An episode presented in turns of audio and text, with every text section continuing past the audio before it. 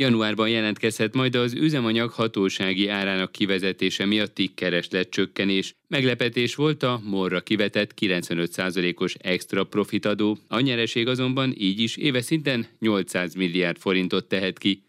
A február 5-i szankciós korlátozás után a közel-kelet pótolhatja a kieső orosz dízel kapacitásokat. Erről is szó lesz a következő percekben itt az Energiavilágban az Inforádió energiaipari magazinjában. Üdvözlöm a hallgatókat, Király István Dániel vagyok. A következő fél órában tartsanak velem. Energiavilág. Az energiavilága a világ energiája. Januártól csökkenhet az üzemanyagok iránti kereslet a hatósági ár kivezetése miatt, mondta az Inforádiónak nyilatkozva a Magyar Ásványolaj Szövetség főtitkára. Grádottó szerint a csökkenés vélhetően egy számjegyű lesz. Grádottót hallják. Látványos változásokról még nem lehet beszámolni, mindenképpen érződik azonban, hogy csökken a fogyasztás oldali nyomás, tehát a vásárlók száma azért mindenképpen mérséklődött. Ugye nem titok, hogy az elmúlt hétvégét megelőző hétvégén, tehát egy héttel ezelőtt nagyon komoly krízis alakult ki a töltőállomásoknál, hiszen azon a hétvégén elterjedt, hogy kivezethetik a hatósági árat, ugye, ami aztán néhány napon belül meg is történt. Ez a hír olyan mértékben felkorbácsolta a vásárlási szándékot, hogy gyakorlatilag nagyon közel állt ahhoz az üzemanyag kiskereskedelmi szektor, hogy teljes mértékben bedőljön, így is nem meglepetés, amit mondok, számos töltőállomást teljesen szárazra futottan találhattak a vevők, és azt gondolom, hogy csak a végletek vagy a szélsőségek voltak a tipikusak, azaz vagy egy darab autó sem állt, mert a kúton már nem volt üzemanyag, vagy pedig akár 100 méteres sorokban várakoztak, ahol éppen még üzemanyagot lehetett vásárolni. Ez a helyzethez képest a hatósági ár kivezetését követően az azt követő első hétvégén azért már lényegesen konszolidáltabb helyzet volt a töltőállomásokon. Ennek ellenére még azért azt mondhatjuk, hogy még csak a folyamat kezdetén vagyunk. Mind több és több azon töltőállomások száma, ahol újra lehet üzemanyagot vásárolni. Folyamatosan történik a közúti szállítóeszközökkel az üzemanyag mindkét típus, benzin, és még a prémium termékek kiszállítása a benzinkutakra. Természetesen ez időt igényel, ezért türelmet is kérünk, mert biztos, hogy még egy-két hét, amíg teljes mértékben megtörténik valamennyi töltőállomás üzemanyaggal történő eltöltése. Mit látnak? Természetesen még nagyon rövid az idő, kevés az adat, de a kereslet csökkent? Kevesebb a benzint és dízelt vásárló autósok száma? Mindenképpen azt tapasztaljuk, hogy kezd a helyzet olyan mértékben konszolidálódni, hogy kezdünk visszatérni egy-egy fogyasztási napon, egy-egy hétvégén arra a szintre, ami mondjuk 2021 előtt átlagosnak volt nevezhető, tehát a fogyasztás, az üzemanyagkereslet újból a normál mértéket kezdi követni. Természetesen azért itt a karácsony előtti időszakban biztos, hogy lesz valamivel magasabb igény, hiszen ha csak arra gondolunk, hogy a szállítóeszközök száma ilyenkor azért megszaporodik, folyamatosan mennek, hiszen a karácsonyra való felkészülés mindig egy kiemelt időszak, illetve a magángépjárművek is jobban előkerülnek, hiszen azért történik az ünnepekre való felkészülés mind a kereskedelmi, gazdasági szektorban, mind pedig a magán személyek esetében, tehát lesz egy emelkedő fogyasztás, ezt látjuk, ezt gondoljuk a következő napokban, hetekben,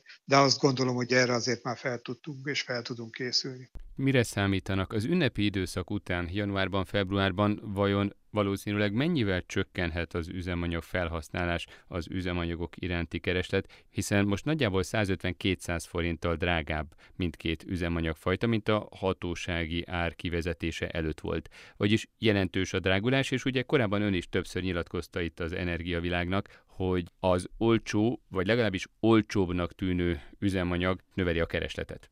Így van. Én azt gondolom, hogy meg kell különböztetnünk a két termékcsoportot. Motorbenzinek esetében én mindenképpen fogyasztás visszaesést prognosztizálnék, hiszen a motorbenzin alapvetően a magánszemélyek, a személygépjárművek hajtóanyaga, és a magánszemélyek sokkal érzékenyebbek az ára, tehát tipikusabb az, hogy a családi költségvetésben meghatározott összeg fordítható üzemanyagra, és természetes, hogyha az üzemanyag ára magasabb, akkor ebből az összegből kevesebb liter tud kijönni, jobban igyekeznek szervezni és optimalizálni a gépjármű használatot, hiszen ezt sokkal jobban megérzi a családi költségvetés. A gázolaj esetében ugye azért az, amit a, gazdasági szektor használ elsősorban nem véletlen, hogy az országos fogyasztásnak kétharmada gázolaj, egyharmada benzin. Gázolaj esetében ugye ez alapvetően inkább egy költség a szállítmányozásnak, a szolgáltatásnak az egyik költsége, tehát jobban tovább hárítható magyarul, kevésbé érzékeny az árra ez a termékcsoport. Tehát összefoglalva benzinben mindenképpen, gázolajban kevésbé gondolok fogyasztás csökkentést. Természetesen itt azért beszélni kell a másik kérdésről, hogy termékcsoportokon belül vajon hogyan alakulnak majd és változnak a fogyasztási adatok. A prémium benzinek, amiknek a felfutása magasabb biotartalmú alapbenzin miatt korábban jelentősen megemelkedett, és a hatósági ár bevezetésével drasztikusan visszaesett, hiszen a prémium benzin ugye nem tartozott a hatósági ár alá. Én azt gondolom, hogy a prémium benzinek fogyasztásának mértéke újra emelkedni fog, tehát részaránya emelkedik. Azt a szintet viszont, ami korábban volt, nagy valószínűséggel nem tudja elérni, hiszen amúgy is magas az üzemanyagok ára, a prémium termék meg még ennél is drágább. Tehát lesz egyfajta átrendeződés a prémiumok irányába, de azt gondolom az hosszabb idő, amíg azt a szintet, amit mondjuk a hatósági ár bevezetése előtt például a prémium benzin képviselt, még hosszú idő múlva fogjuk tudni csak elérni. Mennyi volt akkor az arány, illetve mennyi volt hozzávetőleg az ársapka idején az arány? Volt olyan hónapunk, hogy a magasabb biotartalom okán a prémium benzin, ugye, amiben csak 5%-os a bioetanol, a prémium benzinfogyasztás elérte 20%-át a teljes benzinfogyasztásnak. Ez a szám drasztikusan visszaesett 5% körüli hónapok is voltak az elmúlt időszakban, tehát én azt gondolom, hogy ez a két szélső érték között lesz majd a következő időszakban, és őszintén remélem, hogy azért a 10% fölé megy majd megint ennek a termékcsoportnak a fogyasztása, vagy a részaránya. Azt így december közepén meg lehet becsülni, hogy nagyjából mekkora lehet, mondjuk ha a benzinnél maradunk, a visszaesés egy számjegyű, vagy akár két számjegyű is előfordulhat?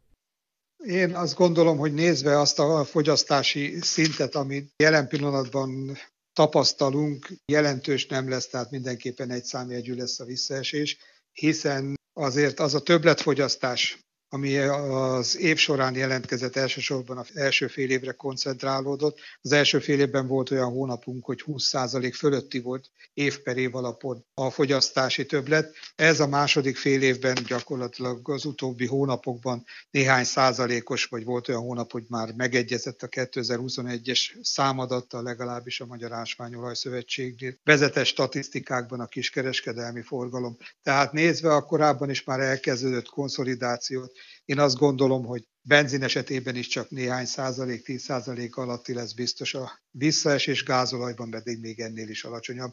Lehet, hogy éppen stagnálást fogunk majd tapasztalni. Nagyjából egy héttel az ársapka kivezetése után nagyjából a kutak hányad részén van még probléma az ellátással, hány helyen találkozhatnak azzal a vásárlók, vagy a reménybeli vásárlók, hogy nincs üzemanyag?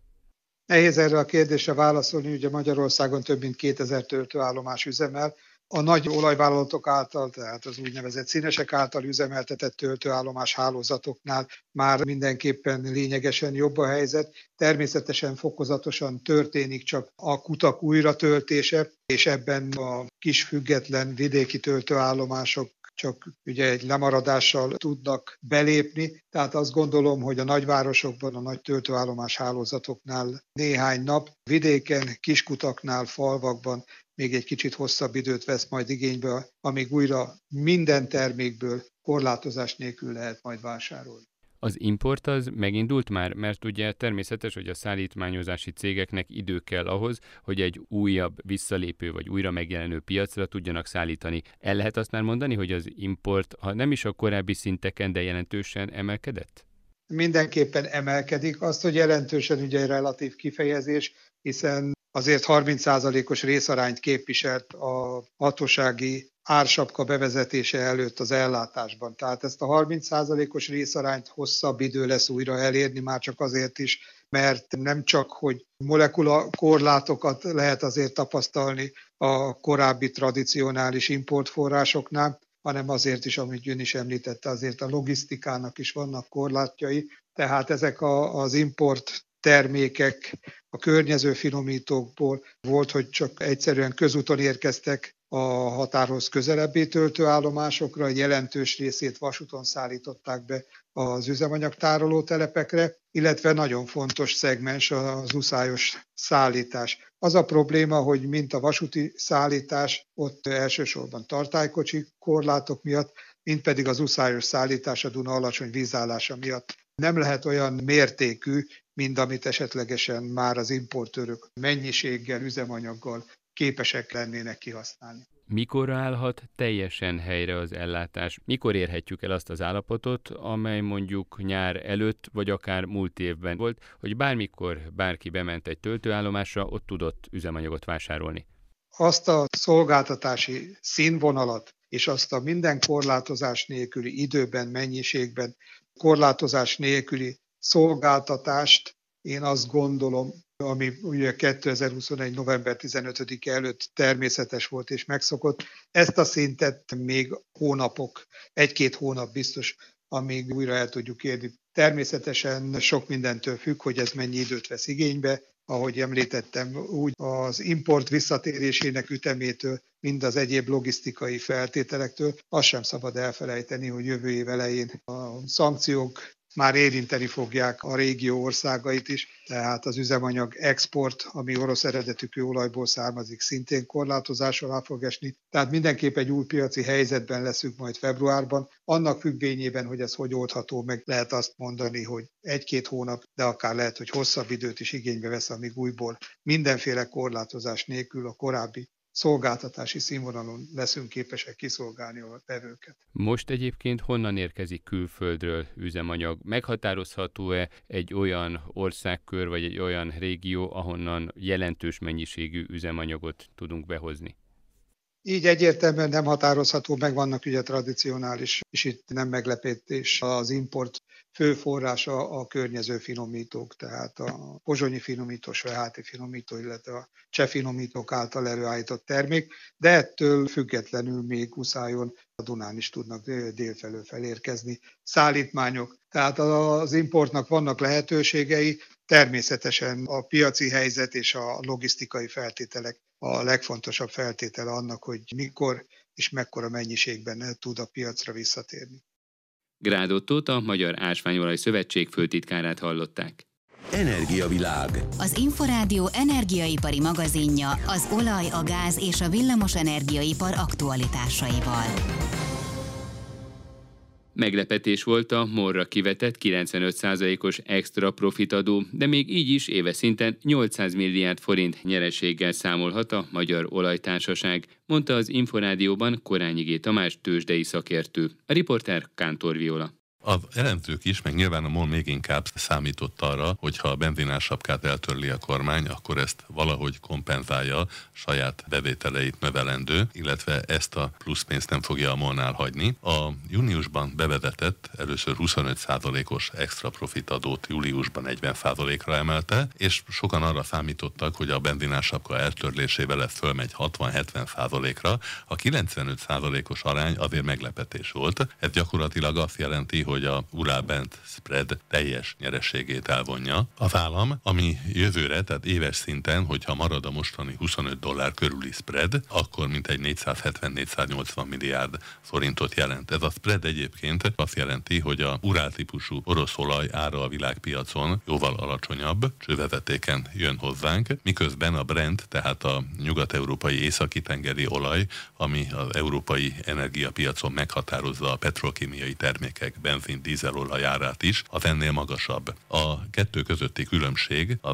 régebben a háború előtt nem volt több 5-10 dollárnál hordonként. Háború kitörése után tavasszal volt olyan pillanat, amikor 37 dollár volt, őszi időszakban lecsökkent 20-22-re, most beállt utóbbi egy hónapban elég stabil 25-26 dolláros különbség. Ez azt jelenti, hogy a MOL ennyivel olcsóbban jut az alapanyaghoz, viszont ő nyilvánvalóan piaci áron adja a partnereinek, kivéve december 7-éig a magyar kisfogyasztóknak a benzint, amin nem ért el nyereséget. Most viszont minden termékén eléri nyereséget, ezt elvonják tőle. Azért nem kell sajnálni a MOLT, mert az első háromnegyed évben benzinás sapkával és még csökkentett elvonással együtt 650 milliárd forint profitot ért el, a éves profitja valószínűleg eléri a 800 milliárdot, ami azt jelenti, hogy a tavalyi nagyon jó év, ami után 300 forint osztalékot fizetett a részvényeseinek, az 240 milliárd kifizetés volt, tavalyi nagyon jó évnél is jobb lesz az idei éve, és sokan arra számítanak, hogy mivel a részvényesek között ott vannak a állami, tehát egyetemi alapítványok, MCC,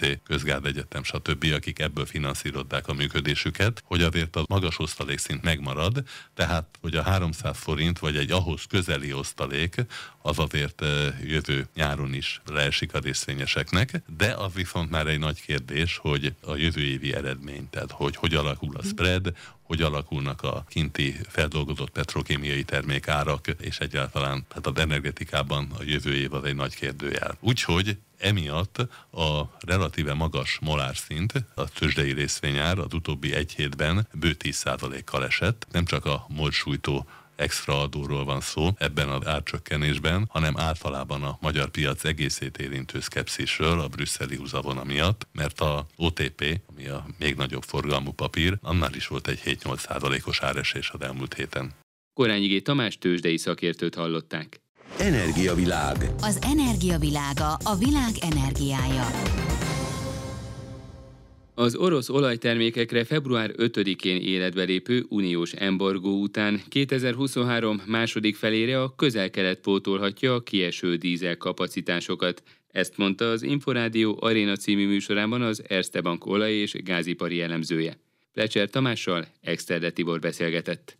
Február 5-től lép életbe az orosz olajtermékekre vonatkozó embargó. Innentől kezdve európai finomítók, dízelt, fűtőolajat, félkész termékeket, például vákumgázolajat nem vásárolhatnak Oroszországtól. Dízel hiánynak a kétharmada, háromnegyede ezekből a termékekből lett fedezve. Na most nagy kérdés, hogy honnan lesz pótlás. Ami talán szerencsés Európának az az, hogy most több olyan közelkeleti projekt is befejezése kerül 2022-23-ban, amelyeket 2020-21 években a Covid miatt elhalasztottak. Például a Szaudarábiában, a Gizán, Kuwaitban, a Ruwais, illetve az Egyesült Arab Emirátusokban is van egy komoly fejlesztés. Szóval három komoly fejlesztés van a közel-keleten, amely valószínűleg 2023 második felében el fogja tudni már Európát látni olyan mennyiségű dízellel, ami elég lesz. Valószínűleg a 2023-as év első fél éve lesz szerintem komoly nehézség, és nehézség lesz nekünk is Közép-Kelet-Európában, részben a külön alkú miatt, amelyet Magyarország, Szlovákia és Csehország kötött az Európai Európai Unióval. Az a lényege a külön alkunak, hogy ugye orosz kőolajat továbbra is vehetünk, viszont az ebből finomított terméket az adott országok csak a saját nemzeti piacaikon belül adhatják el. Na most a százszombatai finomítónál ez nem gond, hiszen Magyarország ugye deficites. Viszont ott van a pozsonyi finomító, ami ugyancsak olyan MOL csoport része. A pozsonyi finomító termékeinek kétharmadát a cseh, magyar, osztrák, illetve a délengyel piacon adja el. Náluk csökkenteni kell az orosz kőolaj arányát azért, hogy a cég finomító gyártói kapacitás kihasználtsága fennmaradjon. És ezt úgy tudják megtenni, hogy az Adria kőolajvezeték keresztül szállítanak be tengeri módon kőolajat. Kaptak a külön alkun belül is egy kivételt egyébként a szlovákok, ez jövő év december 5-ig szól, hogy a cseh piacot annak is a dízel igényét 30% elég elláthatják. Honnan fogják, ha az orosz olajat csökkentik beszerezni a maradékot? Vagy ez nem okoz kiesést a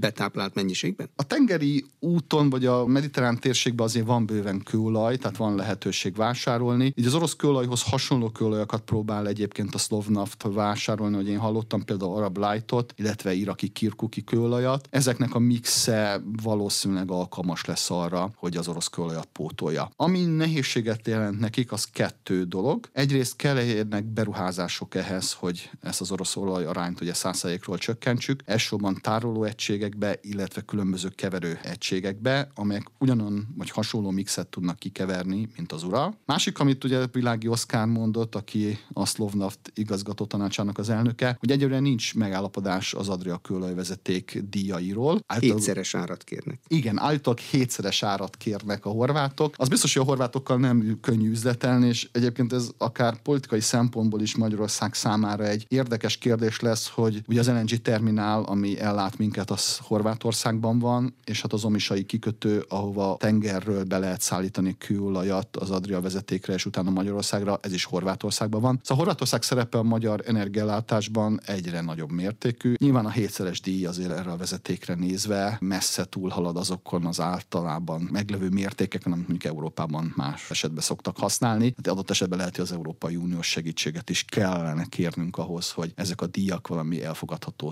szintre mérséklődjenek. Lecser Tamást az Erste Bank olaj- és gázipari elemzőjét hallották. Energiavilág. Az Inforádió energiaipari magazinja az olaj, a gáz és a villamos energiaipar aktualitásaival. Az amerikai LNG negyedéves átlagos ára az Egyesült Államokban 8 dollár, míg Európában ugyanaz a csepp folyós gáz átszállítás után már 60 dollár körüli áron mozog. A drágulás még a pandémia időszaka alatt megkezdődött, aminek újabb nagy lökést adott az ukrajnai háború, mondta az Inforádiónak az Ökonomusz Gazdaságkutató Alapítvány junior elemzője. Sárdi Gergőt Domani András kérdezte. Honnan tud Európa cseppfolyósított gázt LNG-t beszerezni? A legfőbb exportőr az Egyesült Államok volt, ahonnan az októberi európai import a duplája volt az előző évi adatnak. Növekedett a beszállítás Katarból, Egyiptomból, Norvégiából, Peruból és Angolából is. Jellemzően az amerikai LNG-ért hogyan fizetnek Európában? A gáz felvásárlására két opció van, meg lehet vásárolni spot árfolyamon, illetve szerződésben rögzített áron. Jelenleg Európában szerződések alapján érkezik a gáz. Hogyan alakul az LNG ára az Egyesült Államokban, illetve akkor, amikor ugyanez a gáz megérkezik Európába? Amerikában a gázárát a Henry Hub Index határozza meg, és Európában pedig a benchmark az a holland gáztősde, amely jelenleg 131 euró per megawattúra környékén mozog. Amerikából a gáz a legfőbb szállítótól, a Chenier-től származik. A Chenier a szerződési alapján a gázárát a Henry Hub 115%-ával plusz 3 dollárban határozza meg. Ez nagyjából 33 euró per megawattúrának felel meg, vagyis jelentős különbséget generál az euró európai és az amerikai benchmark között. Minek köszönhető ez a különbség? Ugye az ön tanulmányában van egy grafikon, azon világosan látszik, hogy 2020 nyarán még gyakorlatilag egyforma áron volt Európában és Amerikában ugyanaz az LNG gáz, és aztán egyszer csak meredeken elindult fölfelé az európai ár. Minek köszönhető ez a változás? Ez a változás legfőképpen annak köszönhető, hogy az eddigi olcsón beszerzett orosz gázt azt már Európa megtagadja, ugye az ukrán-orosz háború következtében, és emiatt máshonnan szükséges beszerezni a gázellátás fenntartásához szükséges gázmennyiséget. Itt igazából keresleti kínálati viszonyokról van szó, és már a koronavírus kezdeti időszakában is elkezdődött ez így kijönni, de az ukrán-orosz háborúnál látható az igazi ugrás a két kontinens között. Sárdi Gergőt az Ökonomusz Gazdaságkutató Alapítvány junior elemzőjét hallották. Energiavilág. Az energiavilága a világ energiája. Az Energiavilág az Inforádió energiaipari magazinja ezzel véget ért. A szerkesztő műsorvezetőt Király István Dánielt hallották. Köszönöm a figyelmüket, viszont hallásra!